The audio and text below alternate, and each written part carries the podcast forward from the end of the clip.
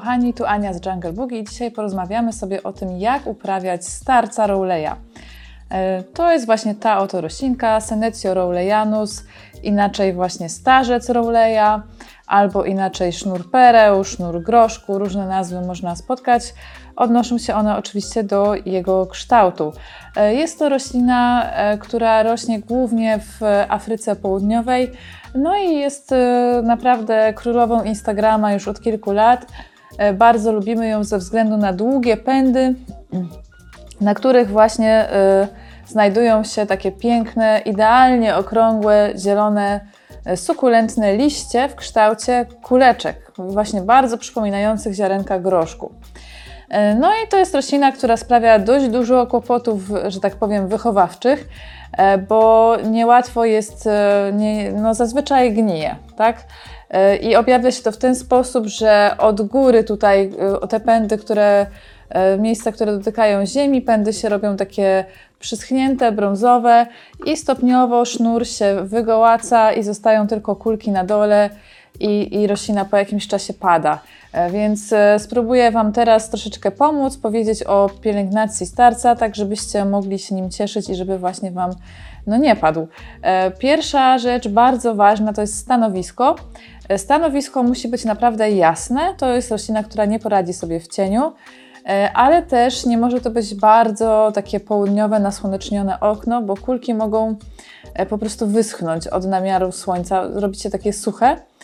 E, U mnie to ta roślina stoi w mojej by- byłej szkole, znaczy w szkole tańca, której już nie, o, nie prowadzę, może tak?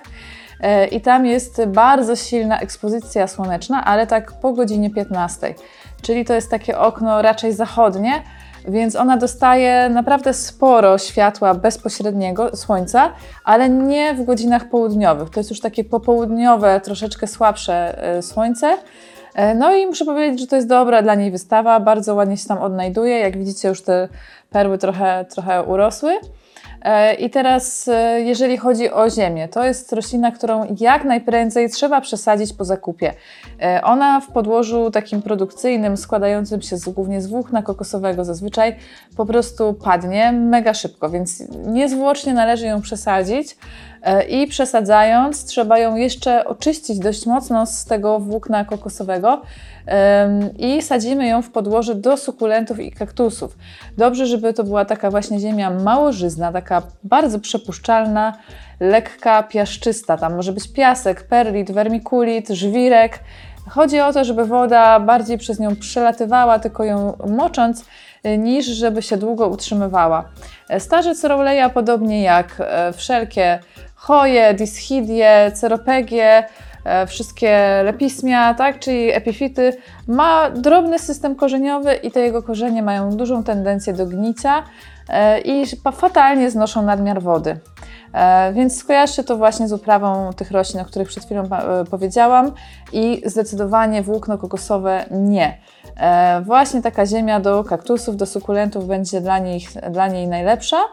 E, I bardzo też dobrze się lubi z doniczką e, glinianą, dlatego że plastikowa doniczka też dłużej utrzymuje wilgoć, e, a właśnie doniczka gliniana chłonie trochę wilgoć, po, po, pochłania wilgoć z gleby, więc jakby roślina szybciej przysycha, znaczy nie roślina, tylko ziemia, tak? Szybciej przysycha i nawet jak tam gdzieś podlejecie za dużo, to sobie e, ten nadmiar ziemi, wody wchłonie.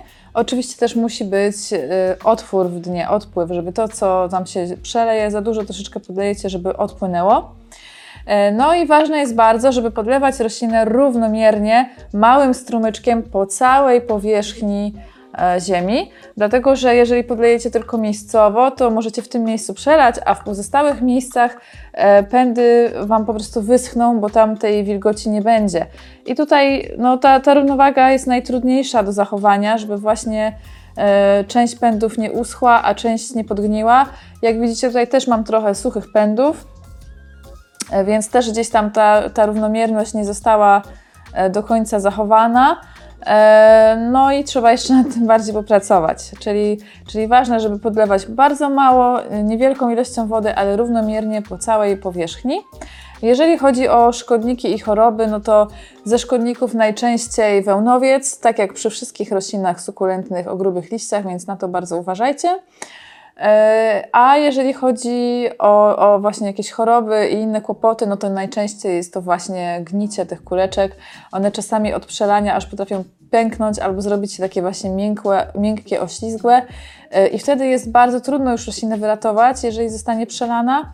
E, Zresztą, jeżeli ulegnie przesuszeniu, to też. I też może się zda- zdarzyć coś takiego, takie wtórne przesuszenie, czyli korzenie początkowo, początkowo jest roślina przelana, korzenie gniją i przez to przestają odpowiednio przewodzić wodę z podłoża do łodyg y, i roślina wygląda jakby uschła. A to jest właśnie takie uschnięcie wtórne do podlania. E, I to też może się zdarzyć. E, Więc no, tutaj kl- kluczowe jest właśnie to, żeby, żeby zapewnić jej jasne stanowisko i żeby podlewać równomiernie niewielką ilością wody i żeby, ta, żeby podlewać dopiero jak podłoże przeschnie bardzo mocno. Nawet możecie po przeschnięciu jeszcze dzień czy dwa odczekać, żeby no zawsze tutaj lepiej mniej wody niż więcej, bo jeżeli kulki się zrobią takie lekko pomarszczone, E, to jest dla Was też sygnał, żeby podlać, ale wtedy, jeżeli podlejecie, e, to one się z powrotem jakby na- napęcznieją, z powrotem się zrobią jędrne i nic takiego się nie stanie. E, Oczywiście, jeżeli to przesuszenie nie będzie już takie bardzo, bardzo duże. E, Natomiast jeżeli przelejecie roślinę, no to już, to już nie da się tego od, procesu odwrócić. E, I teraz e, co zrobić, jeżeli tak się stało, że tam od góry właśnie to, co Wam mówiłam, już zaczyna się roślina przerzedzać, że widzicie, że te pędy podgniły. E, Można się ratować w ten sposób, jak się właśnie roz, rozmnaża tą roślinkę, czyli po prostu obcinacie kawałki pędów od dołu, to co jeszcze jest ładne, i sobie układacie na podłożu albo wtykacie lekko w podłoże. E, Wtedy dobrze jest jakiś czas zraszać taką, taki świeży, świeżo wsadzony pęd, no bo on jeszcze nie ma korzeni i trzeba mu tę wilgoć pomagać, e, pomagać trochę w pobieraniu wilgoci. E, No i w ten sposób możecie jeszcze roślinę uratować, że właśnie mm, sadząc końcówki, no i też w ten sposób możecie roślinę rozmnożyć, żeby mieć kolejną, albo możecie ją zagęścić od góry, jeśli uważacie, że jest trochę za łysa. E, Czyli właśnie tutaj też z tym fajnym sposobem jest takie układanie, e, nawet bez przecinania. Możecie też wziąć takie pędy i je po prostu ułożyć e, na powierzchni ziemi. Możecie je przypiąć lekko klipsem do roślin albo nawet wsówką i po prostu delikatnie zraszać i wtedy te pędy też się ukorzenią i wyrosną z nich kolejne. Będziecie mieć w ten sposób roślinę gęstszą.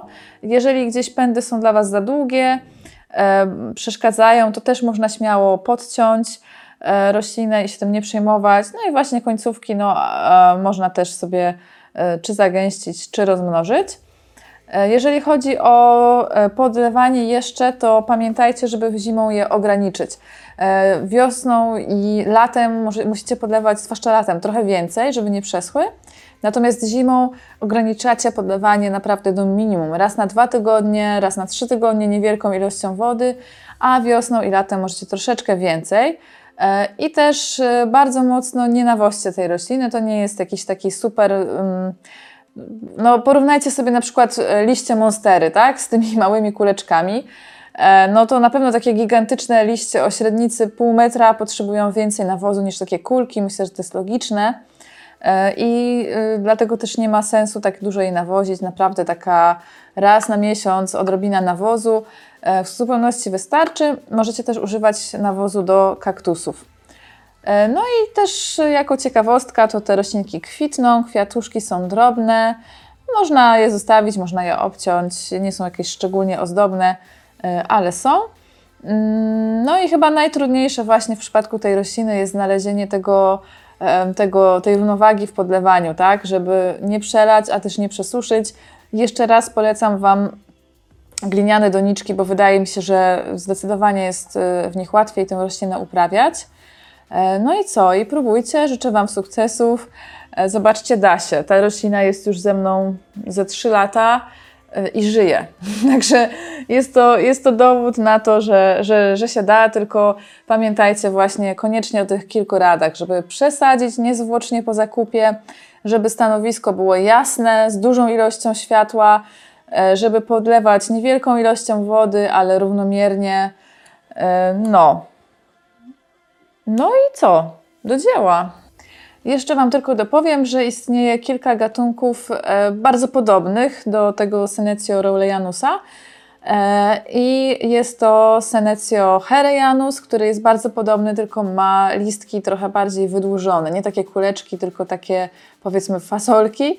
E, Senecio herejanus purple flash to kolejna odmiana. Jest też Senecio radicans, Senecio e, jumping dolphins. Jest tych odmian kilka i je wszystkie pielęgnujemy w podobny sposób. Także wszystkie te rady możecie do tamtych odmian też sobie zastosować.